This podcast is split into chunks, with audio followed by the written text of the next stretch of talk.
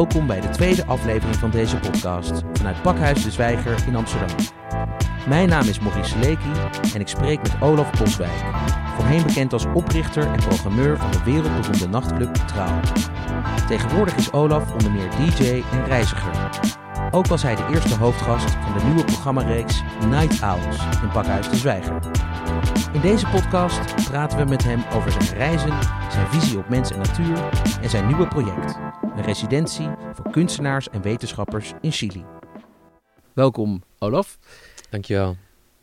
Sinds uh, de sluiting van uh, Trouw op 4 januari 2015 ben je op reis geweest. Uh, met je vrouw zijn jullie van Canada naar Patagonië gereisd in jullie bus, Balthazar. Kun je ons vertellen waarom je aan die reis bent begonnen? Ja, Trouw stopte en dat was voor ons een heel duidelijk moment. Een tijd in je leven, een periode die wordt afgesloten en die opeens een mogelijkheid geeft om iets anders te doen. En uh, wij wilden heel graag een lange reis maken. We houden van reizen. En we wilden dat graag met een camper doen, zodat we zo zelfstandig mogelijk waren. Dat we konden blijven wanneer we wilden blijven en, en weg konden gaan wanneer we weg wilden. Zelfvoorzienend konden zijn en, en veel uh, in de natuur konden zijn. En Noord- en Zuid-Amerika sprak ons het meest aan qua, qua landschap en cultuur. In hoeveel landen zijn jullie geweest? Oeh, die zou ik even moeten tellen, maar uh, meer dan 15 denk ik. Je zijn natuurlijk ook in veel steden geweest. Zijn er bepaalde stedelijke vraagstukken die jullie in die steden ja, als, uh, hebben kunnen ontdekken? Een soort overeenkomsten? Ja, ik denk dat er in veel steden wereldwijd grofweg dezelfde thema's spelen. Uh, globalisering, ongelijkheid, inkomensongelijkheid. zeker in Zuid-Amerika zijn die verschillen heel groot. Klimaatverandering is minder zichtbaar in de steden, maar zijn wij wel heel duidelijk mee geconfronteerd op heel veel andere plekken. En dat was ook iets wat voor ons gevoel in Amsterdam niet per se heel erg voelbaar is, behalve deze zomer misschien. Ja, met 40 graden. Dat was een duidelijk voorbeeld. Maar in, in de, de, de wijdse grote landschappen van, van Noord- en Zuid-Amerika was klimaatverandering wel heel erg duidelijk. Kun je een paar steden noemen en wat je daar opviel? Ja, een van de bijzonderste steden die wij denk ik bezocht hebben is Medellin in Colombia. En voordat wij daar met onze bus inreden, ja, heb je echt zo'n gevoel, wow, ik ga Medellin inrijden. En Medellin in heel veel van onze hoofden... Escobar. Ja, Escobar, narcos, onveilig. Kan je zeggen, Colombia is een van de meest gastvrije, meest warme landen waar ik ooit ben geweest.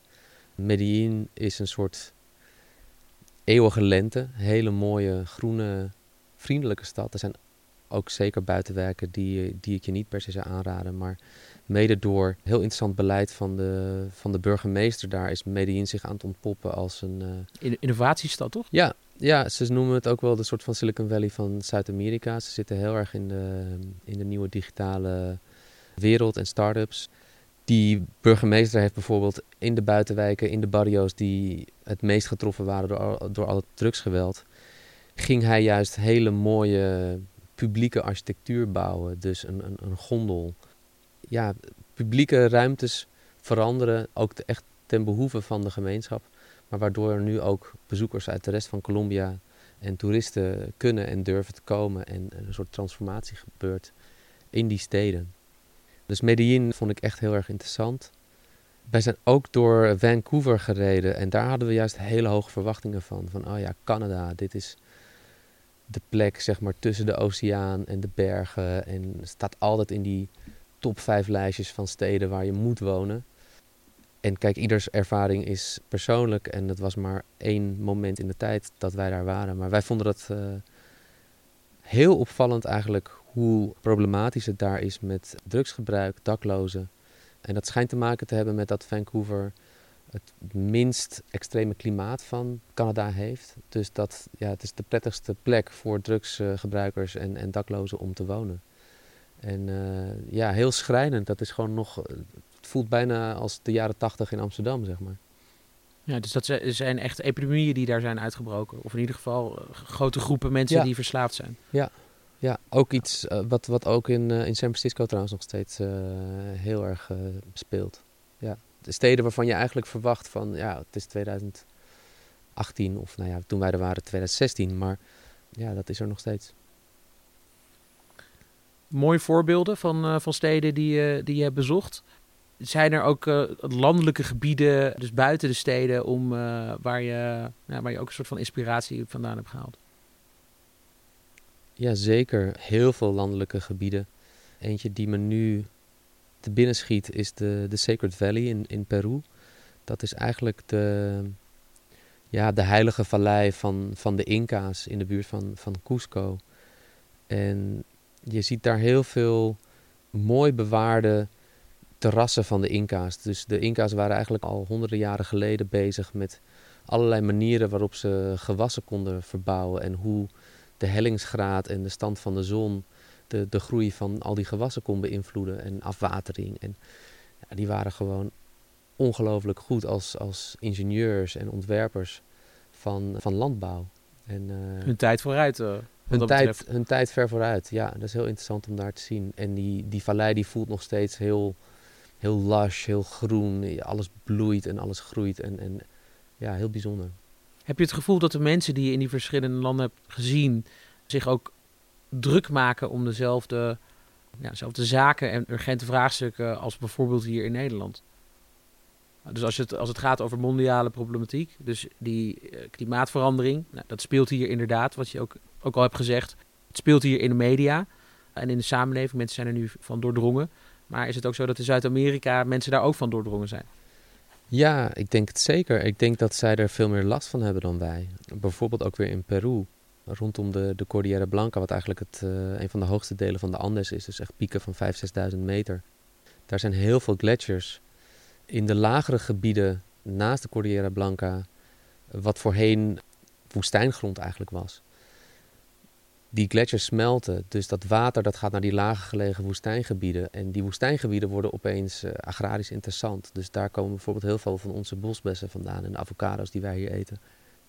Voor een deel is dat positief in de zin dat daar weer heel veel boeren opeens echt knoepers van bosbessen kunnen verbouwen en daar economisch eh, goed bij gaan.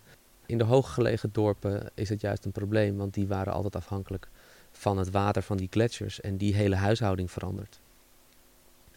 En dat zijn juist van die dingen die je dus merkt op het platteland. En dat zijn de dingen die wij niet merken in Amsterdam, waar alles ingericht is op het menselijk comfort en de systemen hoe wij hier leven. Ja, dus dat is gewoon een concreet effect. Daar zien het wel. En hier leven we er eigenlijk langs. Ja, ik denk dat zij uh, minder toegang hebben tot media. Ze hebben minder toegang tot, uh, laat ik zeggen, wij kunnen hier naar, uh, naar de Ecoplaza of de markt en we kunnen biologische groenten kopen. We kunnen misschien groene stroom afsluiten, al dat soort dingen. Daarin zijn wij veel verder. mensen wonen daar primitiever, maar daardoor zijn ze ook veel gevoeliger voor dit soort dingen. En dat raakt hun daar echt. En ik denk dat dat iets heel waardevols is om te zien als, uh, als Europeaan of als Nederlander. Want je leest, het je leest erover, iedere dag in de krant of op je telefoon, maar het komt niet binnen. En als je het daar ziet, dan, ja, dan komt het gewoon uh, veel dieper. Is het zo dat je door deze reis veranderd bent? Heb je een uh, andere kijk op de wereld gekregen? Ja, ik denk als je de tijd en luxe hebt om voor langere tijd uit je oude leven te stappen en, en, en uit kan zoomen en, en daardoor een ander overzicht krijgt, dat je, dat je daar voor een deel ook een ander beeld van krijgt. Ik denk dat wij misschien iets meer onthaast zijn. Al voel ik ook iedere keer als ik in Amsterdam ben, hoe snel ik ook weer meega in de snelheid en het ritme van de stad. Dat die, dat die systemen en, en mechanismen in de stad heel sterk zijn. We zijn ook wat gevoeliger geworden voor alle impulsen. En ja, dus ik, ik, ik leg het altijd uit van ja, wij zijn iets langzamer en iets gevoeliger geworden. En de stad Amsterdam is drukker en sneller geworden. Je bent nu even terug uh, in Amsterdam. Ieder jaar komen jullie een tijdje terug om uh, vrienden te bezoeken en te werken. Als we dan nog even terug in de tijd gaan en uh, toch nog heel even het, sluitstuk nemen van, van jouw voormalige carrière in Amsterdam. Wat denk je dat dan de impact is geweest van bijvoorbeeld een club als Trouw op de stedelijke cultuur? Als ik me even eh, mag beperken tot de stedelijke nachtcultuur, want ik vind het moeilijk om, om aan te geven wat de impact is geweest op de grootstedelijke cultuur. Maar op nachtcultuur uh, specifiek denk ik dat Trouw een voorbeeld was een goed voorbeeld was van hoe je je eigen hart en je eigen passie kan, kan volgen, je eigen visie kan volgen en daar succesvol in kan worden. Niet door per se hele commerciële keuzes te maken, maar gewoon te doen waar jij in gelooft. En ik heb het idee dat in, in de nacht met andere projecten zoals ehm, Red Light Radio of uh, de school of uh, een festival als Dekmantel. Allemaal plekken die, die nu heel erg kenmerkend zijn voor de kracht en creativiteit van Amsterdam. Dat dat ook allemaal organisa organisaties zijn, iconen zijn van die cultuur. Die gewoon echt helemaal hun eigen ding doen. En die niet per se meer Londen of Berlijn volgen. Of alleen maar geïnspireerd worden door wat er in het buitenland gebeurt en daar een beetje achteraan hobbelen. Maar gewoon helemaal in hun eigen kracht staan en daarin ook leidend zijn. In die, in die muziekwereld kijkt de hele wereld momenteel naar Amsterdam. Dat is gewoon, dit is de plek. En denk je, daar mag je misschien ook wel uh, eerlijk over zijn. Jullie zijn natuurlijk een inspiratiebron geweest. Wat uh, trouwens ook weer vanuit Club 11 voortgekomen. Denk je dat trouwens echt ook een daadwerkelijk inspiratiebron is voor die nieuwe generatie makers? Ja, dat, dat hoop ik wel. Ik, ik, ik hoor dat wel af en toe uit, uit die hoeken. Ehm, het, het is voor ons altijd heel belangrijk geweest dat in het verloop van elf en trouw en nu naar de school, dat dat projecten zijn die steeds in contact zijn met de tijdsgeest. Dus het zijn tijdelijke projecten en ze zijn in grote lijnen gestoeld op een vergelijkbare visie, hetzelfde DNA. En op papier is het ook precies hetzelfde bedrijf, dezelfde BV, achter al die drie clubs. Al veranderen de aandeelhouders steeds. Maar omdat het tijdelijk is en omdat cultuur en ook nachtcultuur zoiets iets veranderlijks is, zoiets fluides is, moet het zich ook steeds aanpassen aan de tijd. En ik denk dat uh, de school weer heel anders is dan trouw, maar ook wel weer vergelijkbaar. En de school is bijvoorbeeld weer heel erg toonaangevend in, in wat nu heel speelt. Uh, inclusiviteit en, en, diversiteit. En ja, hoe je daarmee omgaat. Uh, dus dat, ja, daar ben ik wel heel trots op dat dat, dat ooit is begonnen bij elf. En uh, nu nog steeds leeft, maar ook weer op een andere manier in, in de school. Dan is de brug ook weer mooi gemaakt naar waar je dus nu bent. Want jullie uh, hebben op die reis allerlei ervaringen opgedaan. Maar ook veel boeken gelezen, onder andere van eh, Kate Rayworth, Donut Economics en van Timothy Morton, Being Ecological. In hoeverre hebben dat soort schrijvers invloed gehad op jouw nieuwe denken? Ja, heel veel. Ik denk een van de allergrootste luxes die ik gewoon heb gehad de afgelopen jaren is tijd en ruimte om, om te reflecteren, om te lezen, om te studeren. En uh, ja, van het ene boek komt het ander en dan krijg je allerlei dingen op je pad. En Timothy Morton vind ik een heel erg intrigerend figuur. Ik heb nog niet al zijn boeken gelezen. En ik vind nog niet alles heel erg begrijpelijk. Het is uh, soms echt onaanvolgbaar. Want hij is een soort ecologist of een soort van milieu-evangelist, zo wordt hij genoemd. Ja, hij is een filosoof. En een van de thema's waar hij eigenlijk op ingaat is dat de staat waar we nu in zijn als mensheid, in de zin dat we, we moeten een antwoord vinden op op de ecologische crisis waar we in zitten. Nou ja, hij zegt sowieso, het is geen crisis, want dat punt zijn we al lang voorbij. Je moet er eigenlijk aan wennen. Dit is gewoon de nieuwe werkelijkheid. En dan moet je eerst door de pijn heen van het beseffen dat je sowieso een negatieve voetafdruk hebt, dat het sowieso heel moeilijk is. Maar dan kun je daar vervolgens misschien wel een bepaalde lichtheid in gaan vinden en een ook positief verhaal in creëren. En met name via de kunsten. Dus hij is bijvoorbeeld iemand die, die veel werkt met Björk en met uh, Olafur Eliasson. En uh, door, hem, door hun op handen wordt gedragen. Maar er zijn ook hele andere interessante natuurfilosofen die wat begrijpbaarder zijn. Zoals Matthijs Schouten, die hier gisteravond was in Pakhuis Zwijger op de avond. Nou, als je hem op YouTube op, opzoekt, hij kan het zo tastbaar, beeldend, met heel veel humor vertellen hoe, hoe die relatie tussen mens en natuur in elkaar zit. En hoe, hoe die beperkt wordt door, door taal, hoe die beperkt wordt door, of gevormd wordt door je, hoe je opgegroeid bent en waar je opgegroeid bent, in de stad of op het platteland. Dus Matthijs Schouten zou ik ook zeker tippen als iemand om, om te checken. En Kate Rayworth vind ik, dat heb ik onlangs pas gelezen, dat gaat veel meer uit van economie. Maar voor mijn gevoel is zij wel een van de weinigen, of misschien een van de eerste, die economie ook benadert vanuit een soort inclusiviteit. Gewoon, oké. Het is een holistisch systeem eigenlijk. Ja, een, een, holistisch wereldbeeld van de aarde is gewoon een, gesloten ecosysteem. En we hebben x aantal miljard mensen en we hebben een x hoeveelheid grondstoffen. Uh, dus we kunnen maar beter iets verzinnen wat, wat daarin werkt. En niet meer te veel geloven in onbeperkte groei en het kapitalistische denken waar we nu in zitten. En uh, ja, zij kan dat ook fantastisch uitleggen. Ja, ze was ook de gast op het Remake the City Festival uh, afgelopen zomer in Amsterdam. Ja, wat goed. Hey, en uh, Olaf, je bent bezig met een nieuw project. mede geïnspireerd door deze denkers en door jullie reis in Chili.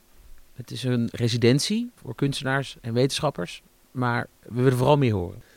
Ja, het idee is eigenlijk dat het een, een, eh, een residentie wordt. Wij noemen het ook wel een uh, refugio voor art and research. De titel is Valley of the Possible. Het is in een afgelegen gesloten vallei naast een uh, nationaal park in Patagonië. Aan de voet van een, een bergketen en een vulkaan, een gletsjer. Hele prachtige ehm, natuur. Eigenlijk een soort landschappen die al ja, duizenden jaren hetzelfde zijn. Het is de plek waar ehm, de BBC bijvoorbeeld Walking with Dinosaurs heeft opgenomen, omdat die landschappen dichtstbij komen de, bij de ecosystemen zoals de dinosauriërs uh, destijds leefden. Dus je hebt daar echt een soort inkijk in de, in de oudheid. Ook misschien naar een soort die uitgestorven is? Uh, is, dat, een beetje ja. te, te? Ja, dan, dan moet je die, die dinosauriërs natuurlijk wel er zelf uh, bij bedenken. Maar het, het is een hele wilde, inspirerende natuur. En naast het feit dat het een klassieke residency moet worden, in de zin dat je daar de mogelijkheid geeft aan, aan mensen om werk te maken en, en uh, zich te laten inspireren, onderzoek te doen, hebben we wel een thema centraal uh, in onze missie. En dat is het, het, het, onderzoeken en het onderzoeken van de relatie tussen mens en natuur. En kijken of we daar nieuwe perspectieven op kunnen verzinnen.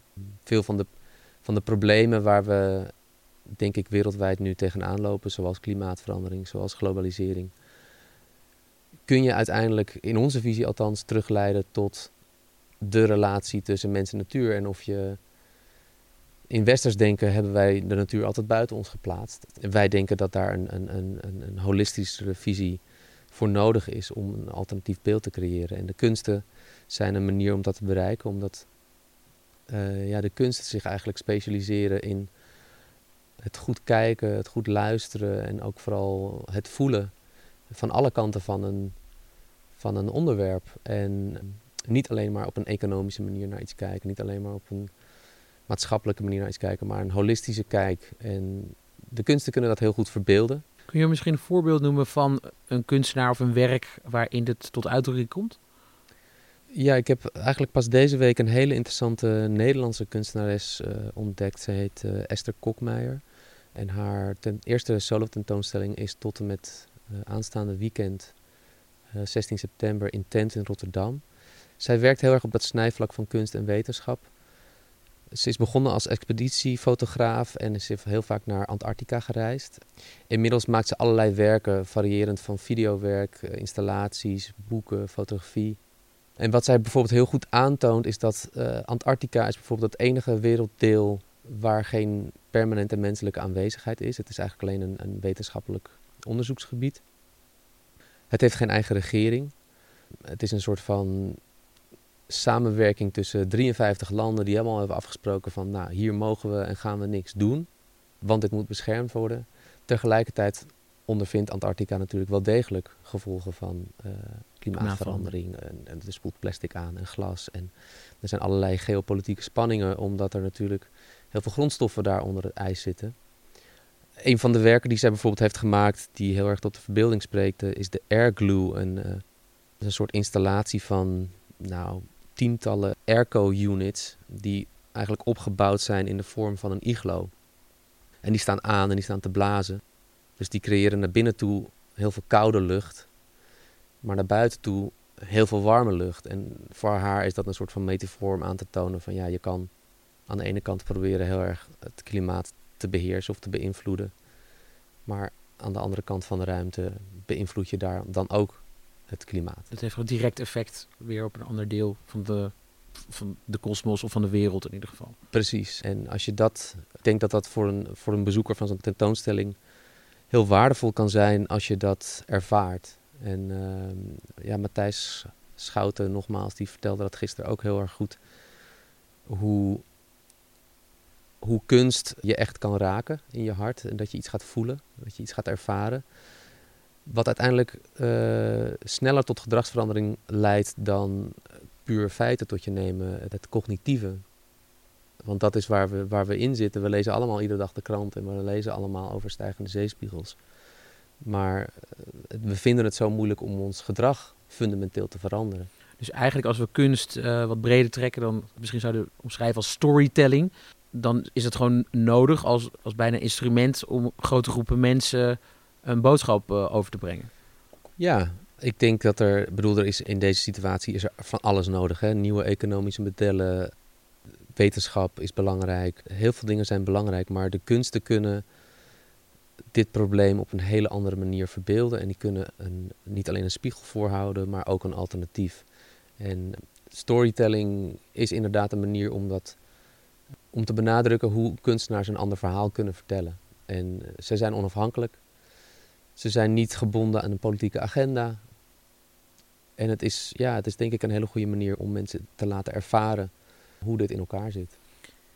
Terug naar de plek waar je dit gaat doen. Want jullie hebben dus Chili en een hele bijzondere plek hebben jullie uitgekozen daarvoor. Waarom daar en niet bijvoorbeeld in Amsterdam, jouw, nou, je andere stad, waar je misschien wat dichter bij allerlei instanties en overheden en bedrijven zit met wie je eventueel uh, nou, zaken kunt doen? Ja, dat is een goede vraag. Uh, ik kies niet altijd de makkelijkste weg in mijn leven, dat ten eerste. Nee, het heeft ook te maken met het feit dat wij gewoon heel erg geïnspireerd zijn door die plek. En dat we zelf hebben ervaren wat het met je doet als je langere tijd in de natuur doorbrengt. Als je langere tijd offline bent, gewoon met een rugzak de natuur inloopt. Wat het doet met je, met je, met je denken, met je geest, met je creativiteit. Kun je daar een paar voorbeelden van noemen? Wat, wat doet het dan met je? Nou, je gaat je dus eigenlijk weer onderdeel voelen van de natuur. Je gaat die verbinding weer aan. En dat is uh, totaal het tegenovergestelde van de stad, waar het zo moeilijk is. Ik probeer het ook wel eens met vrienden over te praten. Het is in Amsterdam heel moeilijk om je verbonden te voelen met de stad. Simpelweg omdat 99% van wat er om je heen is, is gemaakt door de mens. Betekent niet dat het geen natuur is, maar het, het, is iets lastiger. Het is een manier om uit te kunnen zoomen en overzicht te kunnen krijgen op wat de wereld eigenlijk is. En daarnaast denk ik dat het. Er zijn allerlei residencies over de hele wereld. Er zijn ook heel veel in steden. En in Amsterdam zijn er ook hele goede, hele beroemde, zoals de Rijksacademie. Daar kunnen wij niet tegenop. Wat wij wel kunnen, is een alternatief bieden ten opzichte van dat stedelijke perspectief. En een, een, een alternatief ten opzichte van ook het westelijke perspectief. In Chili willen we heel graag meer contact zoeken met bijvoorbeeld de, de Mapuche, wat de inheemse bevolking is van, van Chili, die al duizenden jaren daar woont. Een hele mooie, holistische visie heeft op de wereld. Ik denk dat daar veel van te leren valt.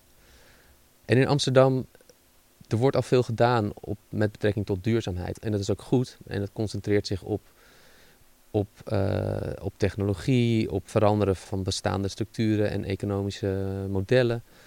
Uh, dat is goed, maar waar het ons om gaat is een iets diepere, een iets fundamentelere vraag. Wat is de rol van de mens op de planeet? En wij denken dat het dan belangrijk is dat je die verbinding ook echt opzoekt. En het is bijvoorbeeld een vallei waar geen uh, telefoonsignaal is, geen, geen wifi is, en geen afleiding. Dus dan ga je, dat zal in de eerste dagen confronterend zijn, maar vervolgens ga je, ga je het daar voelen. En als je het voelt, hè, de kunstenaars, wetenschappers, de mensen daar aanwezig, die gaan dan aan het werk. Wat, uh, wat hoop je dat de impact of de output is van de residentie? Er zijn verschillende lagen in. Als eerste natuurlijk uh, de kunstenaars en uh, deelnemers, wetenschappers, maar ook ecologen, filosofen die daar komen. Dat zijn de eerste mensen die je hopelijk raakt die verspreiden dat, die nemen dat mee terug naar het land en het netwerk waar zij vandaan komen. Er worden werken gemaakt, die worden vervolgens weer geëxposeerd op verschillende plekken in de wereld. Er kunnen ook weer avonden omheen georganiseerd worden, eh, gesprekken, workshops. Dat is één kant. De andere kant, die misschien eigenlijk nog wel belangrijker is, is het werken met de lokale gemeenschap. Dus wat we bijvoorbeeld ook zouden, graag zouden willen doen in, in het gebied waar wij zitten, zijn veel arme boeren die het gewoon moeilijk hebben. We zouden heel graag bijvoorbeeld met hun gewoon een, een simpele, zelfvoorzienende biologisch groentetuin willen maken. Dat een hele mooie manier is voor kunstenaars en deelnemers om contact te vinden met de gemeenschap. Je kunt voorzien in je eigen onderhoud en voorzien in, ehm, in het onderhoud van de lokale boeren daar. Maar je kunt hun ook weer bij de hand nemen richting een duurzamer model voor de landbouw die ze nu al bedrijven. Maar bijvoorbeeld in Zuid-Amerika zijn ze gewoon ook door schaalvergroting en concurrentie gewoon heel erg verwikkeld geraakt in, ja, in alle pesticiden, herbiciden, al dat soort dingen. Die uiteindelijk natuurlijk op de lange termijn uh, niet zo goed zijn voor de grond. En dan is er nog een derde laag en dat is het documenteren van, van wat er gebeurt. En dat is in deze tijd natuurlijk misschien wel het allerbelangrijkste. Middels fotografie, video, uh, misschien podcast. wel een podcast. Ja, daar hebben we het zeker over gehad. En dat is ook een hele mooie manier om die boodschap te verspreiden over de hele wereld. Hoeveel residencies of hoeveel mensen in residence verwachten jullie eigenlijk per jaar? Waar mikken jullie op? We mikken op dat er tussen de zes à acht mensen tegelijk kunnen zijn gedurende acht maanden per jaar. Dat is de seizoenen die dan het prettigst zijn daar. Het kan er ook onherbergzaam zijn, zeg maar, in, de, in het najaar vooral. Het hangt ervan af. Maar in de eerste, in de eerste jaar verwachten wij tussen de 10 à 20 deelnemers per jaar. Plannen zijn concreet, maar zijn er ook al concrete data van uh, opening? Er zijn nog geen concrete data voor opening. We zijn nu uh, midden in, een, uh, in het opstellen van de eerste open call. Dus dat de eerste uitnodiging waarmee we de eerste groep kunstenaars willen gaan werven. Dus een open call, dus niet een persoonlijke invitatie of voor een selecte groep, maar jullie willen echt ook de wereld de kans geven om daarop te reageren.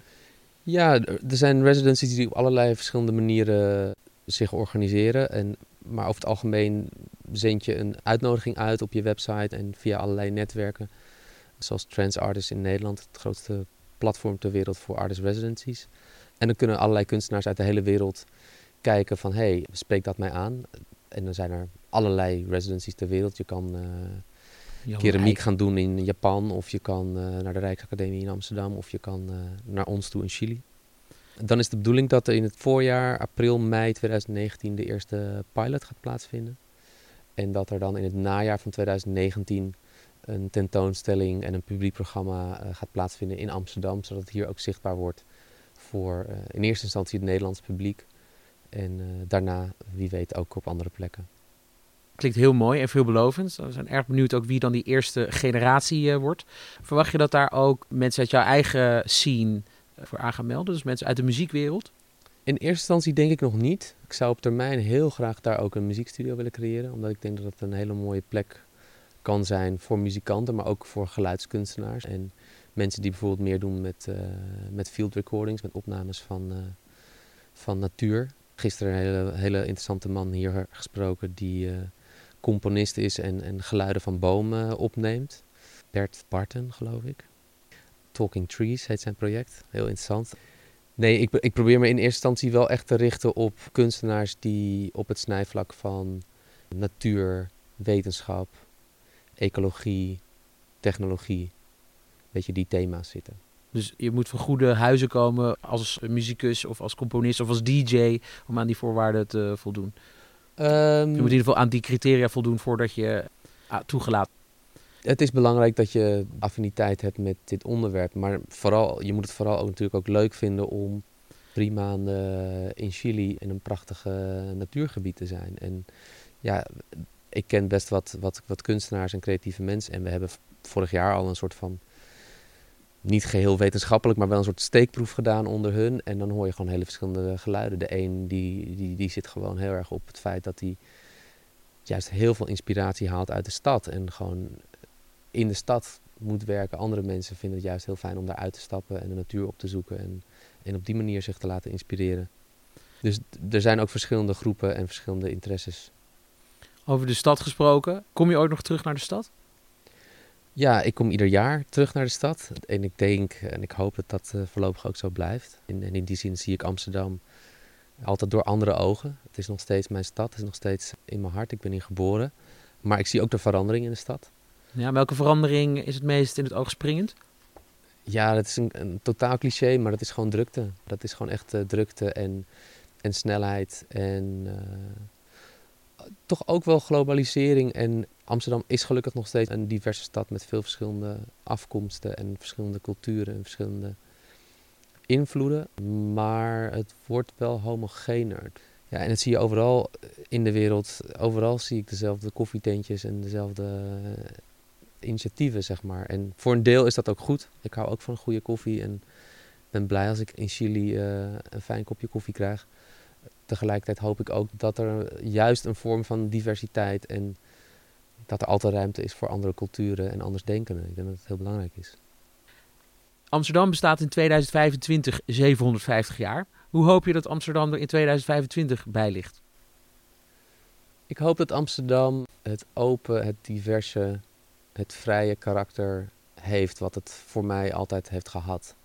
En ik hoop dat het niet te veel gaat richting een Londen of een Parijs, waarbij ja, de kenmerken van een metropool en alles wat erbij hoort steeds, steeds groter worden. Dus dat het meer een survival of the fittest gaat worden. En daar ben ik soms wel bang voor met de toenemende toerisme, stijgende huizenprijzen. Ehm, ja, ik zie toch wel dat die stad versnelt en dat het een soort van race wordt. En dat zou ik heel jammer vinden. Voor mij heeft Amsterdam altijd ook gestaan voor ja, een, een, een open en vrij karakter en een stad die ook prettig was en open was om, om in te wonen. Wat langzamer ook. Dus ik hoop dat dat blijft. Maar ja, ik ben een, ik ben een langzame, langzame reiziger geworden. Wat zou je de Amsterdammer van nu adviseren? Ik zou hopen dat Amsterdammers misschien ook op hun eigen manier kunnen kijken hoe ze een relatie kunnen opbouwen met de natuur. En dat klinkt misschien uh, een beetje gek in de oren van sommige Amsterdammers, maar natuur is overal om je heen. Natuur ben je ook zelf. Dus het kan ook heel makkelijk zijn. Het kan ook uh, daadwerkelijk kijken naar de lucht zijn of uh, even rustig ademhalen of een wandeling in het bos maken.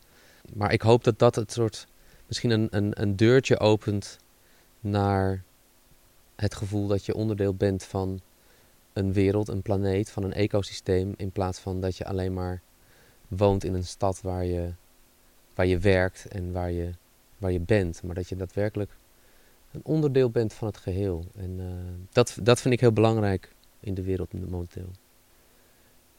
Tot slot, ben je optimistisch over de, de stand van zaken? Over gaat het goed komen? Als je naar de wereld kijkt en je, ziet hoe mensen in verschillende landen het proberen op te lossen.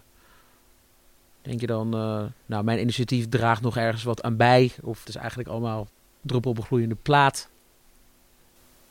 Ik, uh, ik ben gematigd optimistisch. Ik heb ook periodes waarin ik uh, heen en weer schiet. Soms uh, als ik heel veel onderzoek aan het doen ben dan, en, en, en nadenk over mijn eigen gedrag en mijn eigen dingen die ik doe in mijn leven, dan kan ik ook wel eens denken van ja, maar ik heb per definitie altijd een negatieve voetafdruk. Je, je kan het niet goed genoeg doen, zeg maar. Aan de andere kant zie ik ook zoveel verandering in de wereld en zoveel bewustzijn en zoveel positieve initiatieven. En zoveel jonge mensen die hier eigenlijk mee bezig zijn. En die ook beseffen van oké, wij zijn eigenlijk de eerste generatie die de omvang van dit probleem goed doorhebben. Maar tegelijkertijd beseffen dat we waarschijnlijk de laatste generatie zijn die er ook daadwerkelijk iets aan kunnen doen. En dat vind ik wel een hoopgevende gedachte. Dankjewel, Olaf Boswijk. Dankjewel, Maurice. Beste luisteraars, dit was de tweede aflevering van de podcastserie van Pakhuis de Zwijger.